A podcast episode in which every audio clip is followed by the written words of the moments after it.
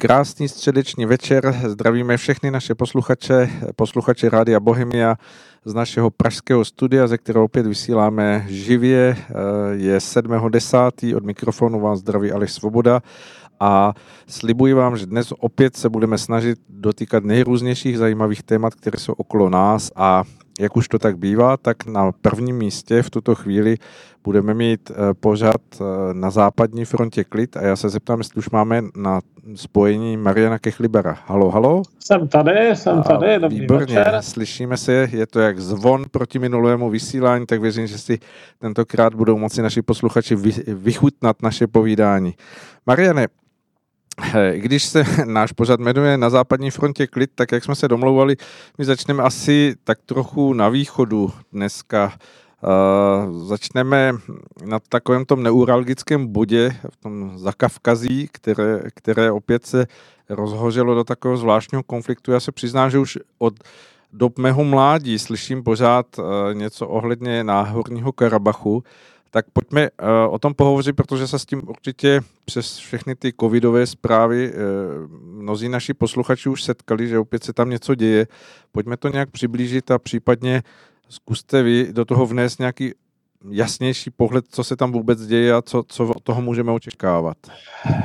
Ano, myslím si, že tady se opět vyplatí se nejdřív podívat na historii celé té krajiny.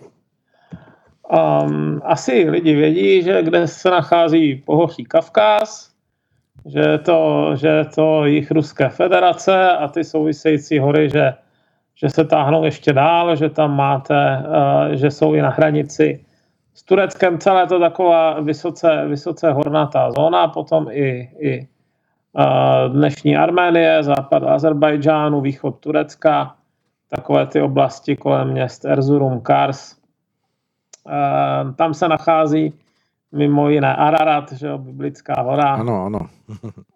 která, kde údajně měla přistát Noémova archa.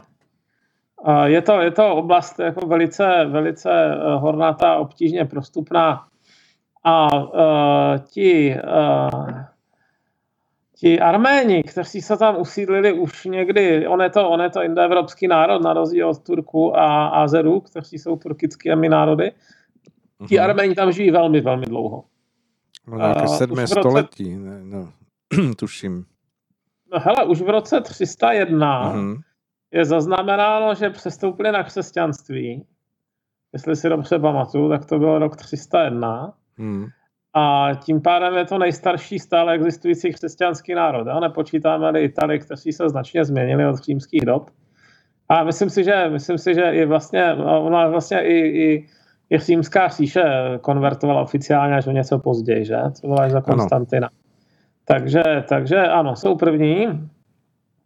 A jejich, jimi obývané teritoria kdysi sahala strašně daleko. Existovala takzvaná Malá Arménie, ta už dneska neexistuje vůbec, kolem dnešního města Adana a Antiochie. Ta, to, byla, to byla takzvaná Malá Arménie, která existovala třeba ještě tak za křižáckých dob. Hmm. A pak se to, pak se teda ten, to arménské osídlení táhlo hluboko do dnešního Turecka, až někam k Eufratu a Tigridu. No, čili tam, jak, tam někde zhruba sousedili s Kurdy a s Turky. Byl to docela početný národ, eh, byl známý i v...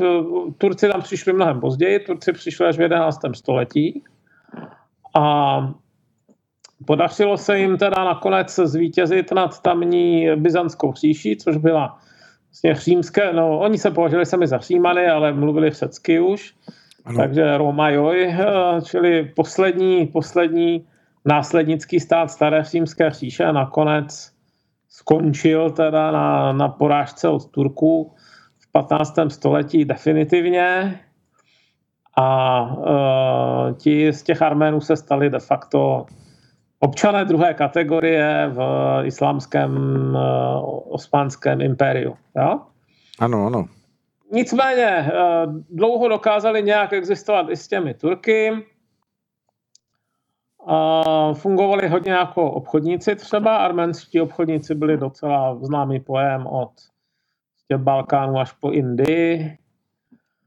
eh, odváděli poměrně dost daní do té osmanské pokladny, protože byli nevěřící, tak platili ještě extra daň, zvanou jizya, jako ostatní nevěřící, ale jakož oni byli mimořádně schopní jako obchodníci, tak platili vysokou tuto daň.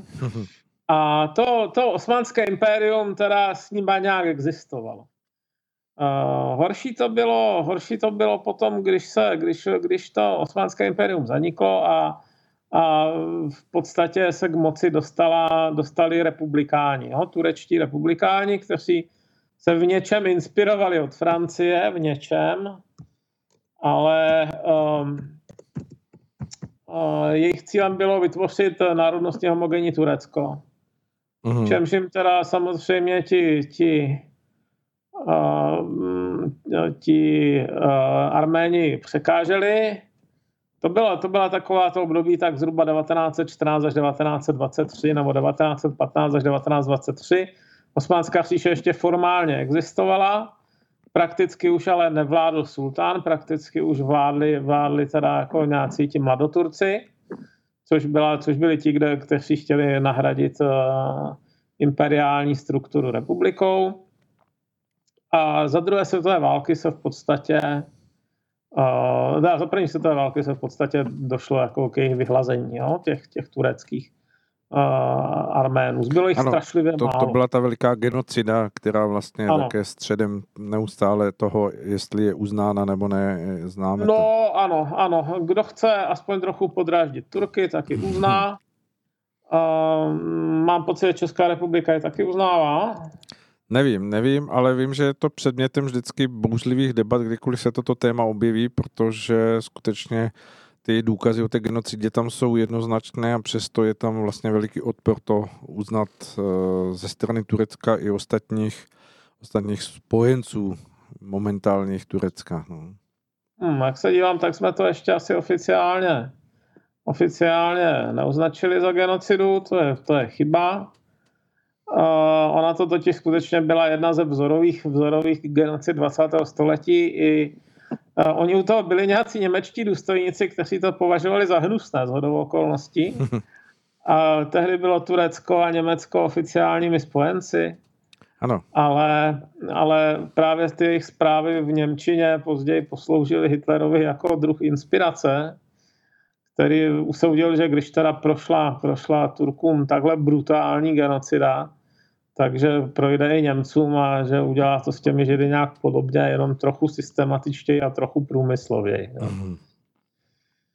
No, takže, takže,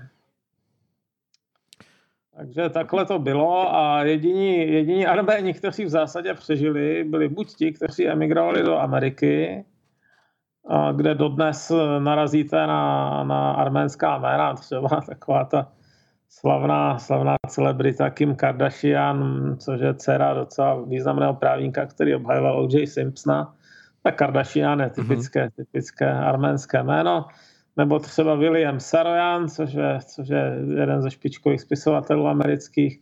Než jsem si, si náhodou dostal Nobelovu cenu. To si bych si musel zkontrolovat, ale Sarojana jsem četl kdysi velice, Pulitzerovu cenu dostal tak, ehm, tak eh, to, byl, to, to byl taky eh, arménský imigrant narozený teda už ve Fresnu, rodičům, kteří utekli z, z osmanského impéria a to téma, to téma to arménské uh, diaspory v Americe, k tomu se často vracel v těch svých dílech. A pak zbyl ještě jeden takový ostrůvek, který se nacházel v moci tehdejšího Ruska, a to je právě ta dnešní Arménská republika.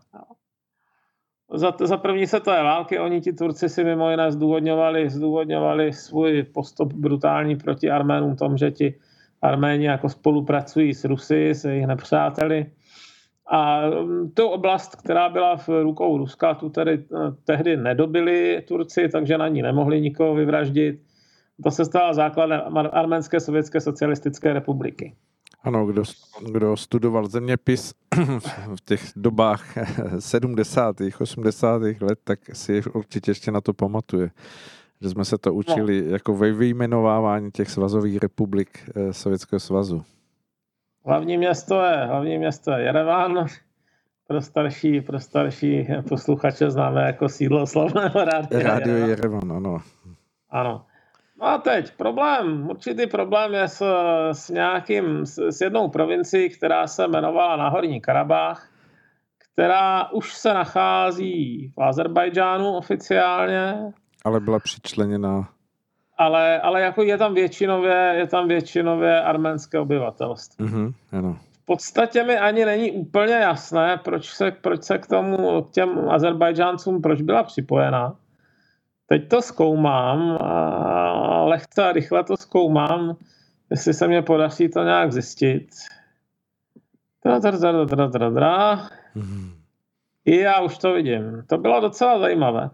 Uh, Stalin se rozhodoval o tom, jestli ponechá Náhorní Karabách s jeho 90% uh, většinou uh, arménského obyvatelstva pod uh, Arménii, nebo jestli ho přidělí pod Azerbajdžán.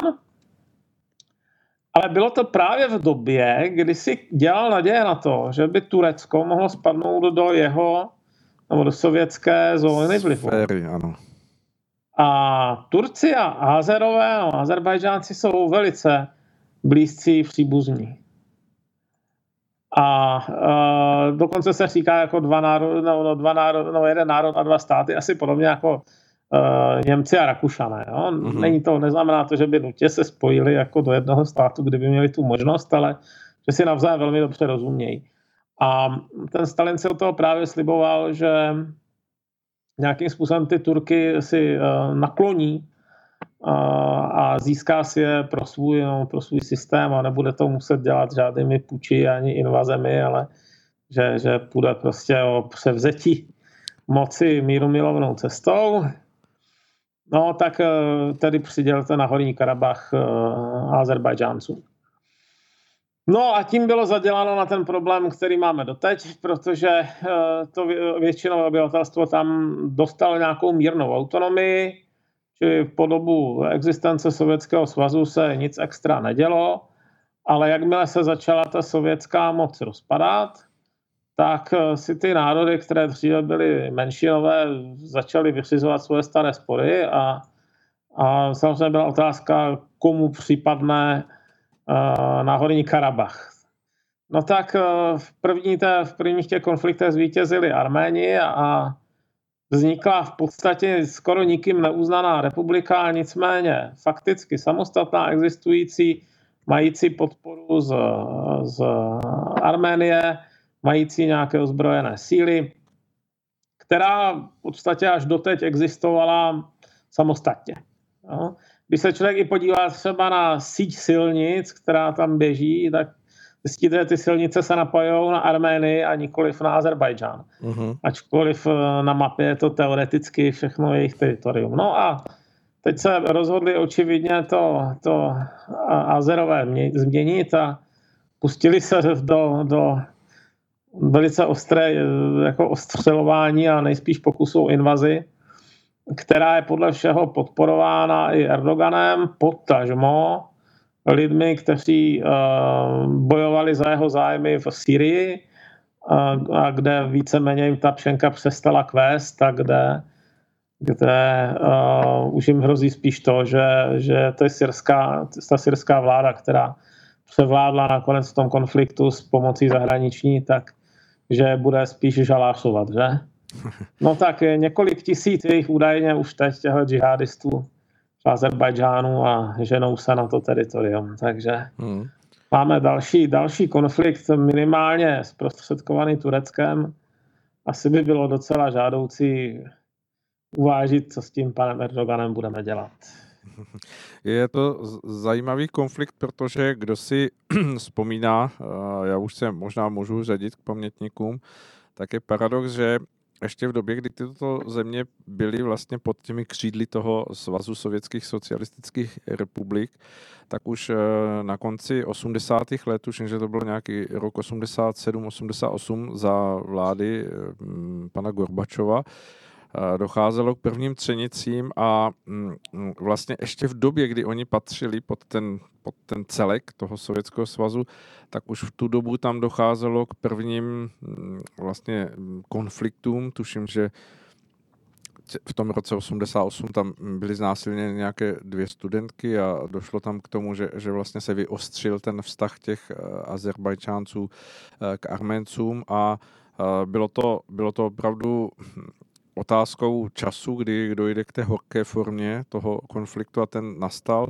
A tuším, že až do začátku 90. let se tam táhl opravdu takový dlouhý, mm, z části gerilový, z části oficiální konflikt a kdo, kdo se dostal na Kavkaz a do Arménie, dejme tomu třeba před deseti, pěti lety, tak vlastně se mohl setkat s tím, že e, na té arménské straně a nevím, jestli to bylo i na té azerbajdžanské, ale byly stále nastavená e, děla, která mířila k té hranici toho toho horkého území, které opět se rozhořelo, takže mm. je to velký otazník, co z toho bude, čím je to, nebo kým je to živeno, k čemu to povede a jestli, jestli je tam vůbec možné dosáhnout nějakého klidu, který opravdu se mm, dá nazvat už jako neuralgickým bodem toho Kavkazu. Ne, myslím si, že z tohle, tohle jako upřímně doufám, že to ti Azerbajdžánci nedobijou, protože pokud by eh, se jim podařilo skutečně zvítězit, tak si myslím, že s touhle komunitou je konec.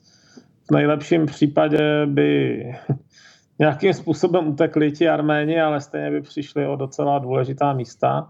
S, o, o město Stěpana Kert například. Uh-huh. Celkové území Arménie, nebo které kontroluje Arménie, by se tím zmenšilo minimálně o čtvrtinu, si myslím. No, navíc, navíc ono, to, ono to má nějaký i strategický rozměr. Jo? Ono nikde není psáno, že se, že se ta kombinace Turků a Azerů uh, spokojí navždy s, jenom s tím, že dobydou ten, ten náhorní Kazachstán, eh, ten náhorní Karabach. Karabach. A, pardon. A uh, tak, jak to dosud bylo, tak ta Arménie kontrolovala vyšší teritoria, čili taková, která spíš zhlížela do nějaké nížiny. Mm-hmm, a to samozřejmě je vojensky docela výhodné. A tentokrát by už byli v těch horách oba, obě ty znepřátelené e, státy, takže jako ta možnost se případně bránit tím ostřelováním ze zhora, což je například ze z toho samého důvodu si drží Izrael Golanské výšiny, že? Mm-hmm. Aby, měl, aby jako zhlížel na to, do té syrské roviny a aby věděl, kdy se bránit, no, aby měl včas informace o tom, že se někde hýbou a aby je dokázal zastavit případně palbou, tak eh, ze stejného důvodu no, stejnou roli hrály ty náhorně Karabašské hory, které, kde průměrná výška přes tisíc metrů si myslím, nebo kolem tisíce metrů a která teď eh, jako padne-li to do rukou těch eh, Azerbajdžánců, tak to dávno nebude tak výhodné postavení. Ano, ano. Eh, jak se díváte, Mariane, na to, eh, vy jste to zmiňoval už na začátku toho našeho povídání na toto téma, že Armenci jsou vlastně už prakticky od té kolebky křesťanství opravdu eh, jednolitým územím, kde, kde převažuje ta, ta hm, křesťanská, hm, vlastně náboženská forma vyznání a mnozí asi znají i aramejský odčenáš, který je velmi prastarý a opravdu pochází tady z těchto míst. A na druhou stranu vlastně obyvatele Azerbajdžánu jsou, tuším, šičtí muslimové, takže jak, jak vidíte i z pohledu tohoto, eh, může tam hrát roli to napětí i, i v tomhle směru? No já si myslím, že takhle. Eh, Azerbajdžán byl přece jenom součástí Sovětského svazu a Sovětský svaz eh, byl vůči náboženství dost eh, je to víme všichni. takže jako až na některá místa typu Čečenská i ten islám dost oslábnul v této oblasti. Ale od doby, co se Sovětský svaz rozpadl, tak se jiné síly, například Irán nebo Saudi, snaží ty svoje, jako ty svoje teoretické souvěrce nějakým způsobem se navrátit k vyznávání toho náboženství a sice se jim to nepodařilo úplně, ale v některých oblastech se to podařilo významně. Napadá mě třeba Ferganské údolí v Uzbekistánu, kde odkud, odkud se rekrutovalo velké množství džihadistů. A tady v případě Azerbajdžánu vidíme ty vztahy dva, jedna která s Iránem, který je i přirozený z toho hlediska, že azerské osídlení nekončí na hranici Azerbajdžánu a Iránu, když se podíváte, ale pokračuje dál. A myslím si, že víc než 20% eh, iránského obyvatelstva jsou vlastně zase Azerbajdžánci, kteří mluví stejným jazykem, no, skoro stejným, jenom trošku jiným dialektem. No a pak je tam ta druhá vazba, to je ta etnicko-jazyková z Turky. Mm-hmm, ano. No a eh, Turecko je bohužel, jako ať, už, ať už tam vládl Erdogan nebo někdo jiný, tak eh, je to takový jako nacionálně šovinistický stát, který, který eh, má k, k, těm, k těm Arménům vztah, jako nic jsme jim neudělali a škoda, že jsme to nedokončili, jo? No, a je to, tak. to máte v podstatě jako trestné vůbec mluvit jo, o té genocidě, to je urážka turectví a představte si Německo, které by trestalo zmínku o holokaustu, jo? tak to by byl naprosto děsivý stát. A, a takový je de facto stav v Turecku a myslím si, že je to další pokus o to jako odstranit ty, nebo nějakým způsobem uh, pokračovat v té genocidě. No. Hmm. Tak doufujeme, že se to nepodaří. Oni zase ti Turci jsou si vědomi toho, že, že Arménie současná má pořád ještě nějaké vztahy s Ruskem, je tam i nějaká ruská minorita a že situace, že by, že by tam jako došlo k nějaké úplně plnokrevné invazi, tak by pravděpodobně eh, pravděpodobně vyvolala tu ruskou reakci a no, rusko-turecký konflikt by spíš asi pro Turky nedopadl nejlíp. Jo? Uh-huh. Ona je vždycky ošidné říkat to dopředu, protože protože lidi jako s, s velikou suverenitou produkují, co by jak a, a určitě dopadlo, ale jako v konflikty v horách, což to jsou hory, můžou dopadnout leciák, tam strašně záleží na zásobovacích schopnostech obou, obou bojujících stran a podobně.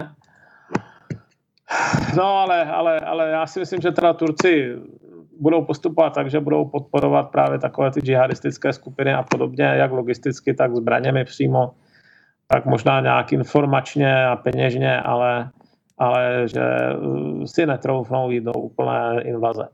V jakém stavu to teď vůbec je? Jak, jak to vy posuzujete, ten, ten, ten konflikt? Dá se říct, že, že je to víceméně vyrovnané, nebo má nějaká z těch stran jako navrh a může si diktovat nějaké podmínky?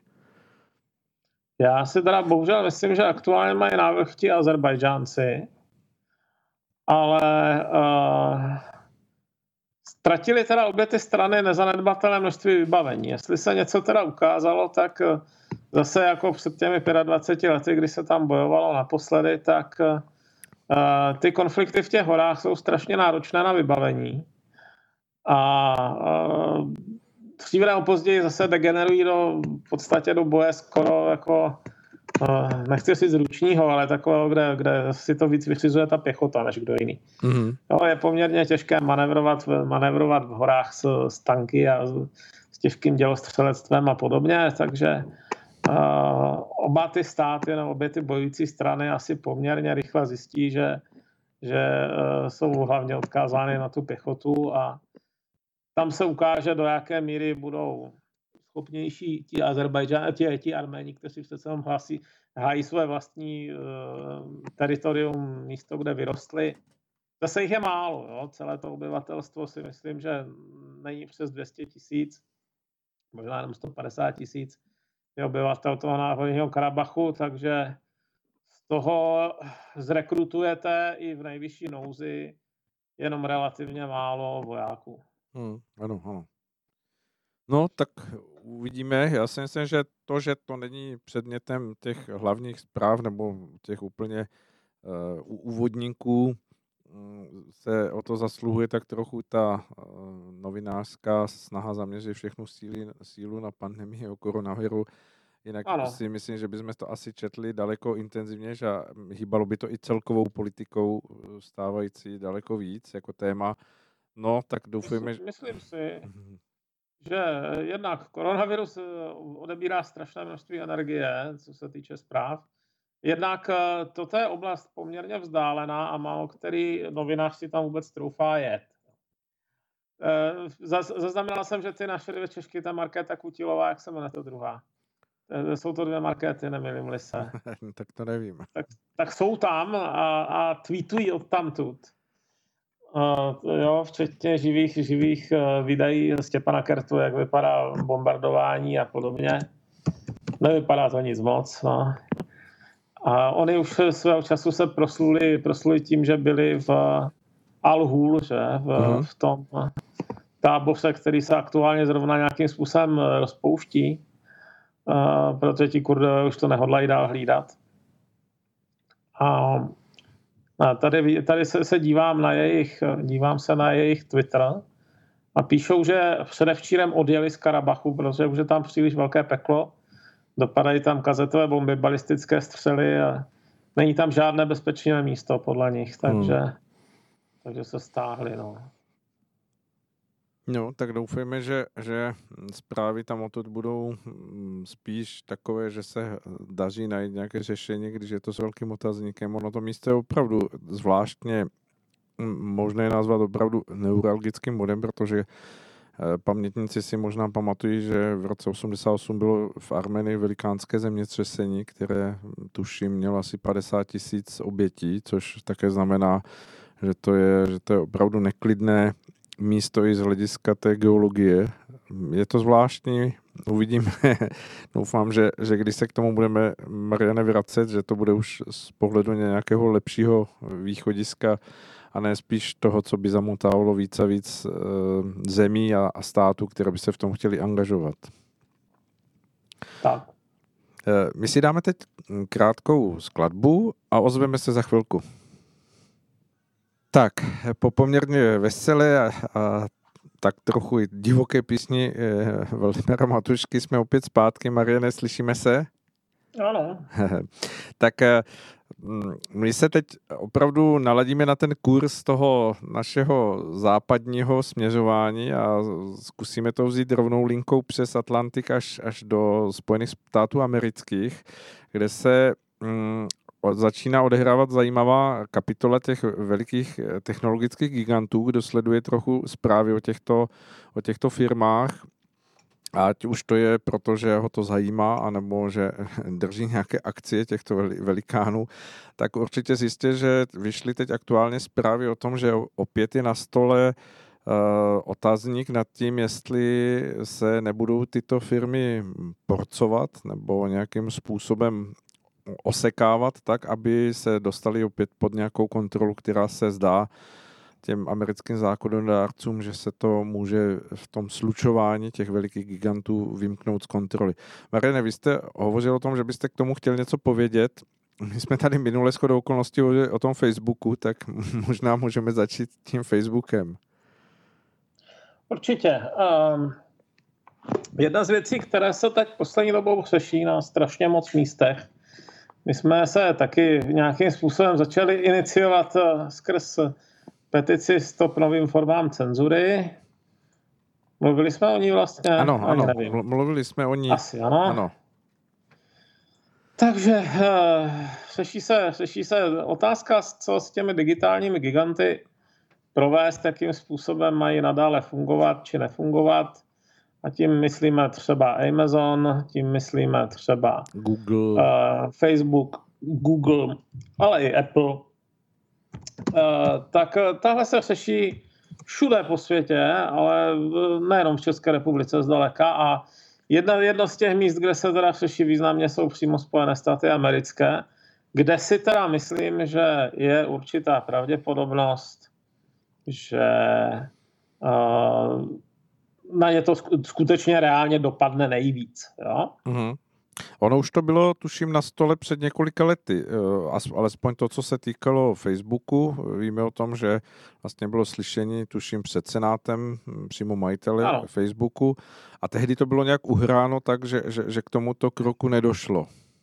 Ano, že oni od té doby se dopustili nějakých dalších hříchů, například Facebook přebral Instagram, že? Ano, WhatsApp Instagram a další. byl původně samostatná služba měli nějaké pravidla, podle kterých respektive u, u takovýchhle velkých mergerů už se vždycky řeší otázka toho, jestli nevznikne příliš velký obludný mm-hmm. jako systém a uh, mají do toho co mluvit antimonopolní úřady. A ty antimonopolní úřady v tomhle případě uh, řekli, proskoumali ten merger a řekli ano, ale nesmíte dělat některé úpravy, nesmíte úplně propojit interně právě Instagram a Facebook, uh, jo, musíte zachovat ty databáze jako oddělené a podobně.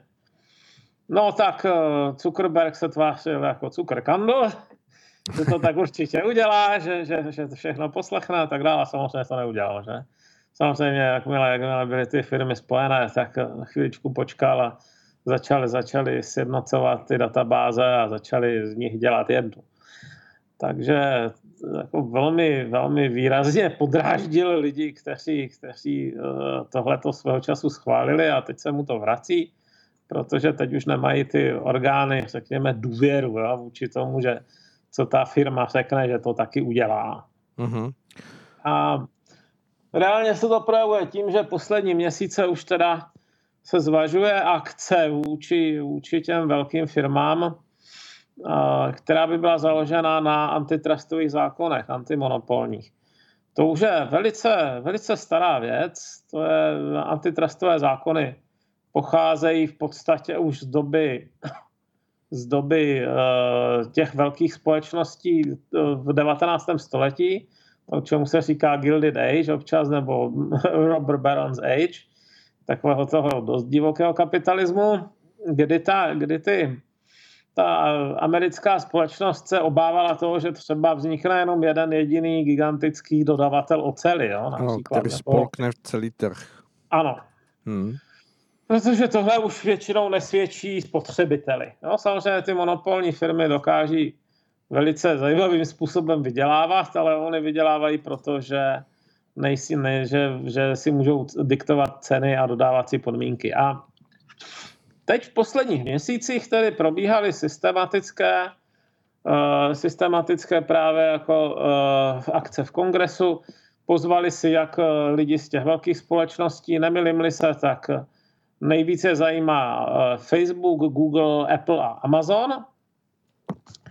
A stejně tak si zvali jiné, jiné představitele jiných firm, třeba ta, ta velká, jak se říká tě, těm, jak se jim říká, Fortune 500, jo? 500 mm. největších uh, společností. A výsledkem teda bylo rozhodnutí, že uh, Spojené státy zažalují tyto firmy, mm. že uh, to je pár dní staré rozhodnutí, že, že v podstatě podle antitrustových zákonů se pokusí nějak skrotit a dneska vyšla zpráva, rozsáhlá, tu jsem ještě ne, včera to bylo, 449 stran. To, to teda musím přiznat, že to jsem ještě nečet. Stažené to mám, ale nečetl jsem to, ale aspoň jsem se podíval na nějaké takové ty highlights, na ty nejdůležitější věci a víceméně se tam hovoří o tom, že jejich tržní síla už přerostla rozumné hodnoty, a e, že, že se dokonce stalo i to, že se poměrně hodně obávají ty velké firmy, normální velké firmy, jako je, jako je, dejme tomu, nějaká ropná společnost nebo zbraňová společnost nebo automobilová, že se obávají právě moci těchto mm-hmm. IT firm. A to bylo podle všeho jedna z těch věcí, které rozhodly o tom, že, ta, že ten americký kongres to tedy jako chce poslat k soudu. No. Takže uh, uvažuje se o tom, že by, nebo komentátoři říkají, že by to nejspíš mohlo vést k něčemu takovému, jako že, že by se Google musel vzdát YouTube třeba, nebo nějakým způsobem uh, se vzdát fungování Google Play možná. Mm-hmm. Google Play je store pro aplikace, Apple třeba zase podráždil eh, tady tyhle vyšetřovatele tím, že si vybírá 30% uh, poplatek z jakéhokoliv prodeje přes Apple Store a znemožňuje i použít nějaké jiné platební brány. Jo? Je to v zásadě jako v podstatě, v podstatě je to jako, jak to říci, výpalné. Ano. A podobně, podobně Facebook nějakým způsobem jako se ukázalo, že se v zásadě už nebojí žádné, žádné uh, konkurence, že, že jediné, co řeší, aby si nekonkurovali jeho služby navzájem. No, zkrátka, uh, vypadá to, že ten antitrustový zákon bude proti, proti tady této čtyřce. Amazonu se zase vyčítá jako dominantní pozice v online tržbách. Například, například v tom, že, uh, že Amazon brání uh, zákazníkům. Vy tam můžete prodávat jako, jako nějaký třeba maloobchodník, ale zákazníci vás nesmí za žádné okolnosti kontaktovat přímo. Jo? Uh-huh, ano. No tak eh, tohle jsou prostě věci, které, které uh, přispěly k tomu, že tyto čtyři konkrétní společnosti, které jsou vyšetřovány, tak že asi teda před ten soud půjdou. Asi by bylo dobré poznamenat, že poslední takový velký proces byl proti Microsoftu svého času. Ano, ano.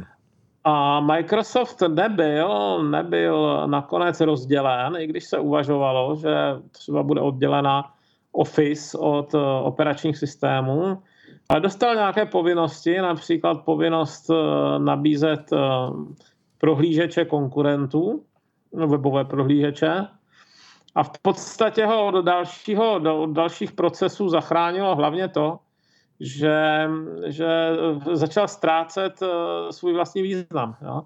Microsoftu ujel vlák, co se týče vývoje mobilních záležitostí, mobilní telefony s Windowsy skoro nejsou, jejich, jejich minimum. Uh, ztratili, ztratili vliv ve vyhledávání, ten jejich Bing nepoužívá skoro nikdo. Takže dneska už nejsou významní. Jo? Uh-huh. Já ještě, když jsem byl na vysoké škole, tak byli takovým jako symbol, symbolem nezvládatelné korporátní moci a dneska je to už taková, sice stále ještě relativně velká, ale ne už kdo ví, jak uh, nebezpečná společnost. Mm-hmm. No, tak eh, v téhle pozici tihle čtyři nejsou a je zajímavé, že uh, on sice budou volby za měsíc, že budou volby do ano, ano, volby prezidenta. prezidentu. Je, je klidně možné, že to Trump prohraje, nevíme. Ale eh, v tomhle tady nejde o republikánský záměr, tady to dělají jak ti, tak oni. A zdá se, že ta demokratická část toho kongresu je úplně stejně zaměřená jako, jako ta republikánská že stojí, že ať už se změní prezident nebo nezmění, tak to na ten proces štěpení bude pokračovat. Hmm. No tak to je něco, čemu bychom se měli možná i trošku přizpůsobit. Nemilím-li se, tady bude taky nějaká debata, zase to teda trošku potlačuje covid, ale údajně už se i na vládě o tomhle hovořilo, o, tom, o těch možnostech, co vlastně dělat s digitálními giganty. Asi bychom měli vzít v úvahu to, že se tam něco takového děje. No. Hmm. Uh, je možné, si... že, nám, že se nakonec vyřeší v úzovkách za nás, ale hmm. otázka, jestli nám to bude vyhovovat. Myslíte si, že, že ti giganti, kteří opravdu mají sílu, jako nejenom jako finanční, ale bez pochyby jako právního nějakého zajištění se nebudou bránit, nebo že, že nevyužijí všechny možnosti k tomu, aby skutečně jakoby to, to jejich porcování, ten divided systém, jako je mm, nějakým způsobem mm, donutil k nějakým krokům, ke kterým by nechtěli, nebo myslíte, že, že ta...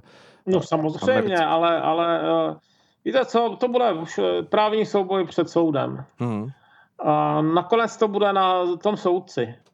Eh, zrovna ti federální soudci v Americe jsou známi tím, že jsou poměrně nezávislí. Oni jsou jmenovaní doživotně, aby se nemuseli moc uh, trápit tím, jestli, jestli bude jim prodlužen nějaký, nějaký mandát nebo ne. Uh, většinou jsou vybíráni, jsou, myslím, všichni vybíráni senátem ve směs ze seniorních soudců nižších stupňů, takže jsou to často lidi, kteří mají za sebou už dlouhou kariéru a podstatě neovlivníte. Jo. Hmm, hmm, Někdo, ano. kdo by měl byť jenom podezření, že bere úplatky nebo, nebo se nechá nějak snadno ukecat, tak se do takových pozic nedostane.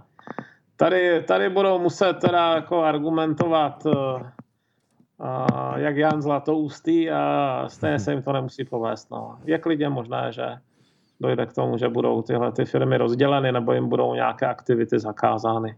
Hmm.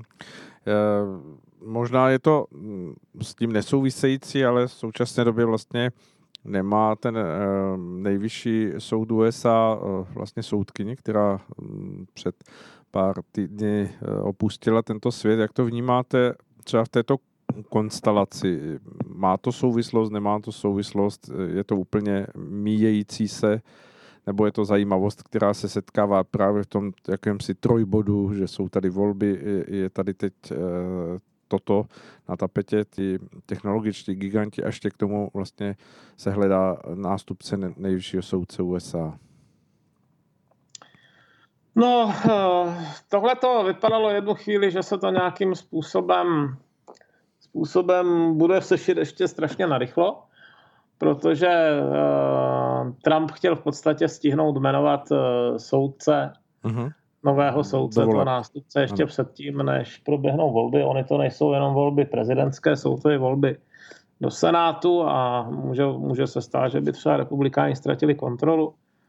Ale mám za to, že, že to není uh, dneska reálné, příliš mnoho těch uh, senátorů je v karanténě, někteří vysloveně onemocněli a myslím si, že snad jako americký senát nejedná na dálku.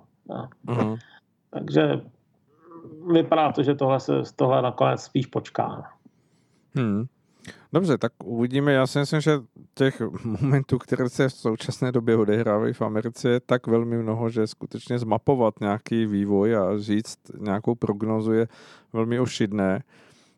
Vy jste to i zmínil, že samozřejmě se může stát, že, že mm, prezident Trump, stávající prezident, se už neujme toho dalšího svého pokračování, dalších vlastně toho volebního období. Jak byste vnímal, že, že, by to, že by to posunulo to nastavení vůbec celého dění v Americe? No to je ohromná otázka. To je ohromná otázka. No. To je něco, co, co je Protože Joe Biden je představitel, řekněme, takové starší a konzervativnějšího křídla té demokratické strany. On uh, má 77 let. Ano. A uh, jako působí trošku zmateným dojmem. Uh, rozhodně bych nevylučoval možnost, že ho třeba už jako požírá nějaká demence. Jo. A, takže je dost možné, že by tu, tu moc jako zase tak dlouho nevykonával, že, že by reálně přešla do rukou jeho viceprezidentky Kamaly Harris. Hmm. Jestli by za těchto okolností nějakým způsobem převzalo tu kontrolu to progresivní křídlo, to nevím. Ale je to možné. Jo? Oni mají více energie. Jakoby je ta situace, že ti progresivci, kteří všude vidí ten rasismus, homofobii, sexismus a tak dále, ti mají, řekněme, více energie a daleko víc jsou vidět v médiích, včetně těch sociálních sítí, ale nemají uvnitř, uh, uvnitř demokratické strany uh, zas tak velkou systémovou moc. Jo? Hmm. Když kdykoliv probíhají ty primárky a podobně, tak těch kandidáti s výjimkou několika málo oblastí, jako je Kalifornie a New York, tak mají problémy se prosadit. Hmm. No. Čili a viděli bychom, no. Nic... Jestli by převládlo spíš to umírněné nebo to agresivní křídlo. Hmm. Napadá mě, že v současné době ale tak trochu mají na svou stranu ulici, která samozřejmě, a možná média, což je docela silný, silný jako spojenec, že, že by v tomto směru samozřejmě se mohly odehrávat věci, které ve vztahu, tak jak vnímáme my, jako dlouholetou nějakou strategii nebo jistotu USA, že by se všechny tyto věci mohly otřást. Myslíte si, že, že i to je možné? Určitě. jako Spojené státy procházejí Ono, existovala, existuje nějaká teorie, že tam takovéhle efekty nastavují zhruba co 50 let. V roce 1970, v roce 2020, no, docela by to sedělo. Mm-hmm. A a eh, je možné, že se to zase během pár let uklidní, ale, ale jak budou vypadat budoucí Spojené státy v si téhle míře fragmentace politické, no Těžko říct. No, mimo jiné nejdou už takové věci, jako, jako dělat nějaký efektivní dodatek k ústavě, protože kdysi by se možná některé konflikty jako řešily dodatkem k ústavě, ale v současné době je to, je to uděláno tak, že ta ústava je v podstatě neupdateovatelná, to by, hmm. ta, ten souhlas těch, těch tři čtvrtin kongresu a od dvou třetin kongresu a tři čtvrtin států je v podstatě nereálný. Takže hodně se ty konflikty přenášejí na úroveň toho nejvyššího soudu a zatím se dokázal s těmi verdikty toho nejhorší, ne, ne, nejvyššího soudu nějak ten národ smířit, ale jako nemůžu úplně vyloučit, že, že jednoho dne se s tím některá ta mhm. část nesmíří a zahájí nějaké kroky k osamostatnění. No. Hmm. Ono konec konců v roce 1861 už se Spojené státy jednou rozsypaly na velice podobném základě. Opravdu se nenáviděly ty dvě skupiny těch antiotrokářů a otrokářů.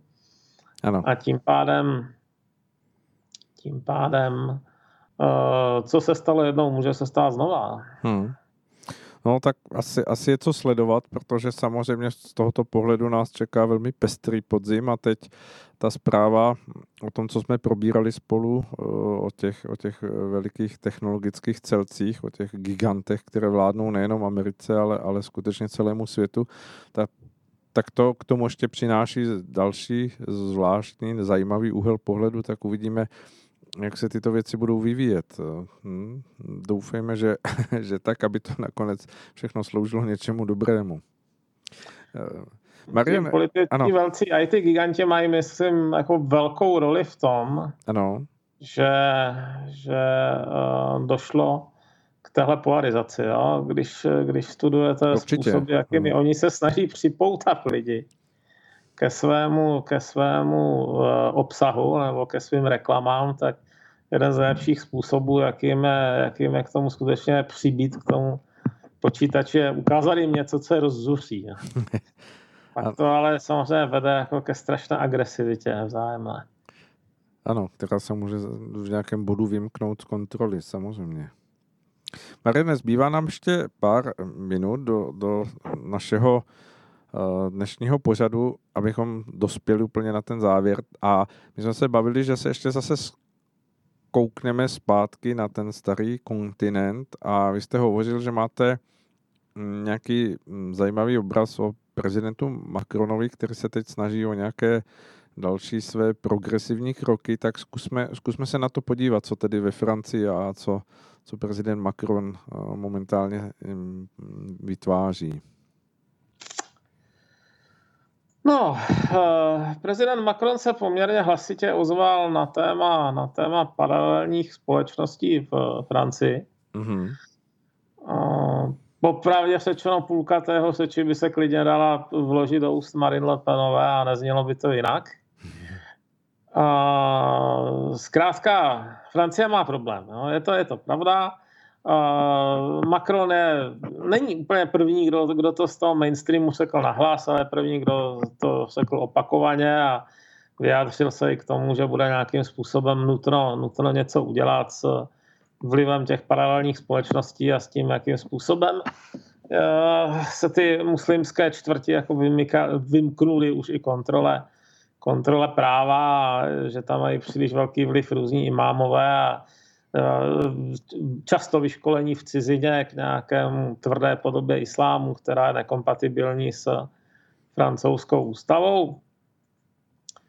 Jediné, co si na jednu stranu si říkám, dobře, že teda jako realita se prosazuje, i o tom napíšu nějaký článek, realita se skutečně časem prosadí, i proti takovým těm tabuizacím, kdy se vykřikuje ne, že je něco špatně, ale že je to třeba xenofobní, jo? To neznamená, že to není pravda. to, to znamená, že to ten člověk nechce slyšet, protože mu to vadí. A, no tak eh, v téhle fázi už ta Francie pomalu není, ta už prostě nedokáže sama sobě tvrdit, že je všechno v pořádku. Ale uh, druhá věc je, co s tak těžce zanedbaným stavem teda ještě vůbec lze dělat. Ty současné výzkumy, nebo nedávné výzkumy veřejného mínění ukazují, že třeba tři čtvrtiny mladých muslimů francouzských dávali přednost islámu teda před hodnotami republiky, jo, což je víc, než byli v těch starších generacích. Jako, oni se ještě radikalizují. Mm-hmm. Místo toho, aby, aby eh, ta jejich identita časem oslabovala, aby se nějakým způsobem z nich stávali francouzi s exotickým příjmením, tak eh, jsou prostě, vnímají sebe sami jako, jako muslimy, nikoliv jako francouze. Mm-hmm. A, a tím pádem samozřejmě budou více bránit islám než republiku a že tam těch rozporů je dost mezi těmi hodnotovými systémy, o tom netřeba pochybovat. Jo. O tom jsme hovořili už mnohokrát u nás. O tom jsme hovořili už mnohokrát, asi o tom ještě mnohokrát hovořit budeme, protože přestože Macron teda uznal tu realitu, za což, za což ho kvituji a doufám, doufám, doufám, že v této situaci to malinko dojde i, i těm našim takzvaným liberálním demokratům, kteří o tom taky často takzvaně nechtějí slyšet a křičí, že je to, že je to jako jak to říct, ruský narrativ nebo co si takové, tak upřímně. Do, do Francie tě Alžířani nepřijeli na základě pokydu z Ruska. Jo. To, ti, tam přijel, ti tam původně dorazili jako gastarbajtři a za Mitterranda udělali tu definitivní chybu, že jim umožnili si tam pozvat manželky a tím z populace převážně mužů, které byla jistá šance, že by se vrátila domů, vzniklo nové obyvatelstvo. No. Hmm. No tak eh, jsem rád, že teda jako i ti naši hujeři nemůžou moc namítat vůči tomu, o, o čem mluví Macron. No, to, to je jejich uh, oblíbenec, takže těžko budou popírat to, co on sám přiznal nebo konstatoval. Ale druhá věc, co, co se s tím dá dělat, no já si myslím, že nic. No, v hmm. téhle fázi no, možná něco, co bude trvat 50 let, jestli ta situace má své kořeny už někdy v 70. letech, kdy se tam poprvé tyhle ty populace přistěhovaly ve větší míře, tak uh, to bude trvat minimálně srovnatelně dlouho zase nějak rozředit. No. Hmm. A eh, jako ty navrhovaná opatření uh, mají určitou racionalitu, typu nepouštět tam kde jakého imáma, ale zase moc nepracují s tím, že něco se dá dělat online. Zejména nepracují si, myslím, s tím, že Zatím se nepovedlo udělat nic jako v úvozovkách euroislám. Jo? Něco, co by jako bylo totálně kompatibilní s evropským pojetím. Ono by to už asi pravděpodobně ani islám nebyl. Já teda vyjádřím svoje přesvědčení, že daleko eh, nadějnější cesta by byla jako působit spíš na tu, na tu mládež, ať, ať se úplně té víry vzdá. Jo. Mm, sekularizovat. Se sekulárními lidmi jako ve směs problém takového rázu není, ale a Francie je sekulární stát, takže samozřejmě nejlépe vycházela s obyvatelstvem, které není nábožensky založené. Hmm. Ale nevím, kdy a jak jako tahle ta realita zase dorazí do hlav teda mainstreamové populace a no to znamená se obrá- být skeptický vůči té myšlence jako velmi široké náboženské tolerance. Jo s, jak tak to chápeme v případě sekt, to, u takových uh, scientologů se nikdo extra netváří, že by měli být pilířem společnosti, že?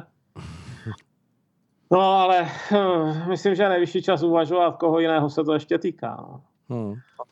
Myslíte si, Mariane, že by se těmi slovy prezidenta Macrona mohlo také inspirovat Německo, které, které zatím jako nevydalo v tomto směru nějaký zásadní signál, že by o těchto věcech uvažovalo, že opravdu se mm, ten vývoj posunul do té roviny, že, že je potřeba s tím něco dělat? Myslím si, že nejbližších několik let ne. Ona bude docela velmi zásadní otázka, co se stane uh, po té, co odejde Merklová. Merklová nikdy neútočila jako na nějaké velké problémy čelně. Mm-hmm. Ona se v tomhle směru liší od toho Macrona, který, řekněme, ne vždycky jako něco dělá, ale aspoň docela konkrétně mluví. Jo, když srovnáte jako obsahy jejich projevů, tak zjistí, zjistíte, že ten Macron je takový mnohem konkrétnější. Že, že si někdy klade i ambice, které jsou očividně nerealistické, ale, ale řekněme, aspoň e, zná směr.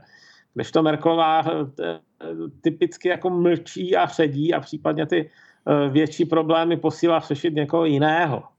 Hmm jeden z důvodů, proč ona tam těch 16 let eh, zůstala, nebo teď je tam 15 let, je právě to, že nikdy neudělá tak zásadní, zásadní jako tažení vůči nějaké záležitosti, aby podráždila většinu obyvatelstva.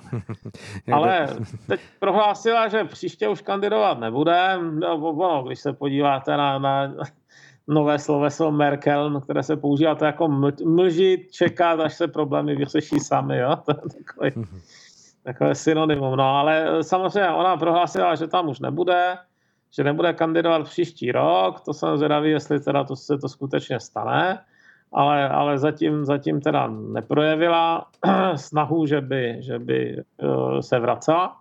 No a to znamená, že bude nějaký jiný, jiný uh, kancléř.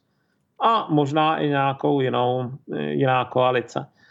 No a to je vzdáleno v současné chvíli rok. Zatím přitom není ani určeno, kdo bude tím, řekněme, kandidátem za kanceláře za CDU CSU, protože CDU je teď de facto bez hlavy. Ta um, předsedkyně bývalá, ta Annegret Kramp-Karrenbauer, ta odstoupila, nebude se znovu ucházet, teď v podstatě vykonává tu práci jen technicky do doby, než bude mít nástupce. A je pravděpodobné, že ten, kdo se stane jím nástupcem, což bude někdy v prosinci, takže teda se bude ucházet o, o úsad kancléře. No a podle toho, jaká to bude osoba, tak buď, buď bude, řekněme, podobně, jako aspoň verbálně uh, asertivní jako Macron nebo nikoliv. No. Uh-huh. Já bych si přál, aby se v tomhle směru malinko změnilo, protože ten merkovský přístup jako skoro nic, nic nedělání zadělal na ohromné problémy větší Němcům než nám, ale když se tam podíváte na stav, na stav třeba důchodových, no, na, vývoj, na vývoj důchodového zabezpečení nebo na digitalizaci té země, tak je docela ujídí vlak. Ale e, samozřejmě musíme brát úvahu i to, že zrovna to energické Německo může někdy šlápnout i na naše zájmy. No. Hmm. Eh, vy jste hovořil eh, v souvislosti s eh, kancelářskou Merkelovou o tom mlžení. Já jsem někde četl mm, jakési pojednání, kde, kde bylo hovořeno o tom, že se za tu dobu svého vládnutí stala mistrní v zneviditelnění ve chvíli, kdy to je potřeba, což asi skutečně je známkou toho, že ta její strategie je opravdu taková, že mm, ve chvíli, kdy opravdu je něco hm, důležitého, něco horkého, tak ona umí velice dobře v tom vymanévrovat ten svůj prostor. Je to tak, no. Skutečně ona, ona v těch kritických okamžicích zmizí ze scény.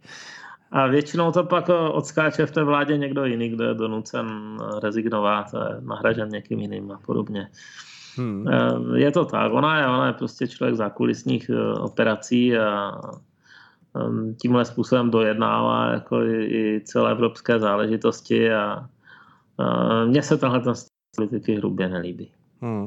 Ještě úplně v rychlosti ta slova prezidenta Macrona dáváte si je do souvislosti s tím mm, napětím, které vzniklo uh, ve středozemním moři s Tureckem, kdy skutečně Taky. se docházelo už na jakési vojenské manévry, ve kterých se angažovala i Francie a bylo to skutečně kousíček od toho, kdo, kdo nevydrží a zmačkne spoušť první.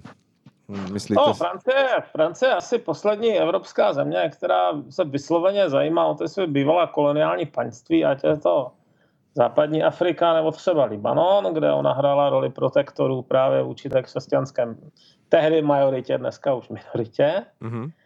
A taky tam ten Macron nedávno byl, že po té velké ano. explozi, která ukázala naprostou nefunkčnost zbytku libanonského státu, který nebyl schopen zajistit lidem ani pitnou vodu potom. A co se moc neví, Francie má docela intenzivní vztahy eh, spojenecké s Řeckem. Tradičně už skoro 200 let. Uh-huh. Takže když, když začal Erdogan vyskakovat eh, na, na adresu Řeků, tak eh, Eh, se dočkal teda jako negativní reakce od Italů i od uh, Němců, ne, i od Francouzů. Němci, Němci naopak zase mlžili pro změnu, to, ano, to, jako myslím si, že je Evropská unie jako zbytek by asi postupovala tvrději vůči, vůči Erdoganovi nabít toho, že, že Merková mu vždycky nějakým způsobem zajistí měkký dopad. Myslím si, že Francie si uvědomuje, že ten konflikt Tureckém je nevyhnutelný Oni ostatně Řekové zrovna v tomhle ohrožení zase zaveslovali i směrem k Američanům a i když ty jejich vztahy nejsou zrovna optimální, je tam docela silný antiamerický sentiment mezi populací, tak když přijde na lámání chleba, tak, tak uh, proti Turkům jsou pro ně američani uh, pozitivní, že? A druhá věc je, druhá věc je, že už zproskakovaly takové ty zprávy, že by že NATO zvažuje, že by opustilo základnu Incirlik v Turecku a možnou, možný, možnou alternativou by bylo něco, postavit něco na Krétě. Hmm. Což by zase pro třeba pro secké, seckou místní ekonomiku tak Kréty bylo velice zajímavé. Hmm. No, tak končíme naše dnešní povídání zase v takovém stavu, že se dá hovořit o tom, že opravdu ty rozdané karty, které můžeme vidět na tom politickém spektru od východu po západ a od západu po východ je, že jich opravdu požehnaně a že skutečně otázkou, co se bude dít a který vládce se jak vyspí a co, co zkusí na ty ostatní. No, vnímáte, že, že bude tento podzim hmm, klidný, nebo, nebo že, že až do Vánoc jako budeme prožívat spíš nejrůznější intenzivní eh, mediální novinky, které budou otřásat důvěru lidí v tento stav světa. No, promiňte, já jsem teď přeslech tu, tu otázku. To bylo tak, tak dlouhé, že, se, že, už jsem, že už jsem nějak ztratil nic. Nic. Jak vidíte vůbec vývoj v tomto podzimu? Já myslím, že to je úkol pro šílence predikovat tento podzim. To, je, to, by, bylo, to by bylo vítězství píchy nad realismem. Zatím, zatím ten vývoj roku 2020 byl takový, že kdokoliv dělal předpovědi někdy v lednu, baj v březnu, takže těžce padnul. Vždycky se ukázala ta realita složitější. Mm-hmm. Toto není nějaké lineární období, kdyby se věci posouvaly jen tak po kouskách. Toto, jsou, toto je období, kdy se hodně věcí změnilo skokově a myslím si, že toto ještě není konce. Hmm. Ještě to všechno je umocněné tou koronavirovou pandemí, o které jsme ani neměli jako možnost hovořit, ale která určitě v tom vstupuje velmi silně ať už do ekonomiky nebo i do politiky, takže uvidíme, jak se ty věci budou vyvíjet. Mariane, moc děkuji za váš vstup dnešní do, do našeho pořadu na západní frontě Klid. Přeji vám, ať máte vy klid a budu se těšit, že za 14 dnů se opět uslyšíme a budeme moci pro naše posluchače přinášet pohledy na nejrůznější události, které se mezi tím vyvinou. Ano, to tak. Moc děkuji, hezký večer.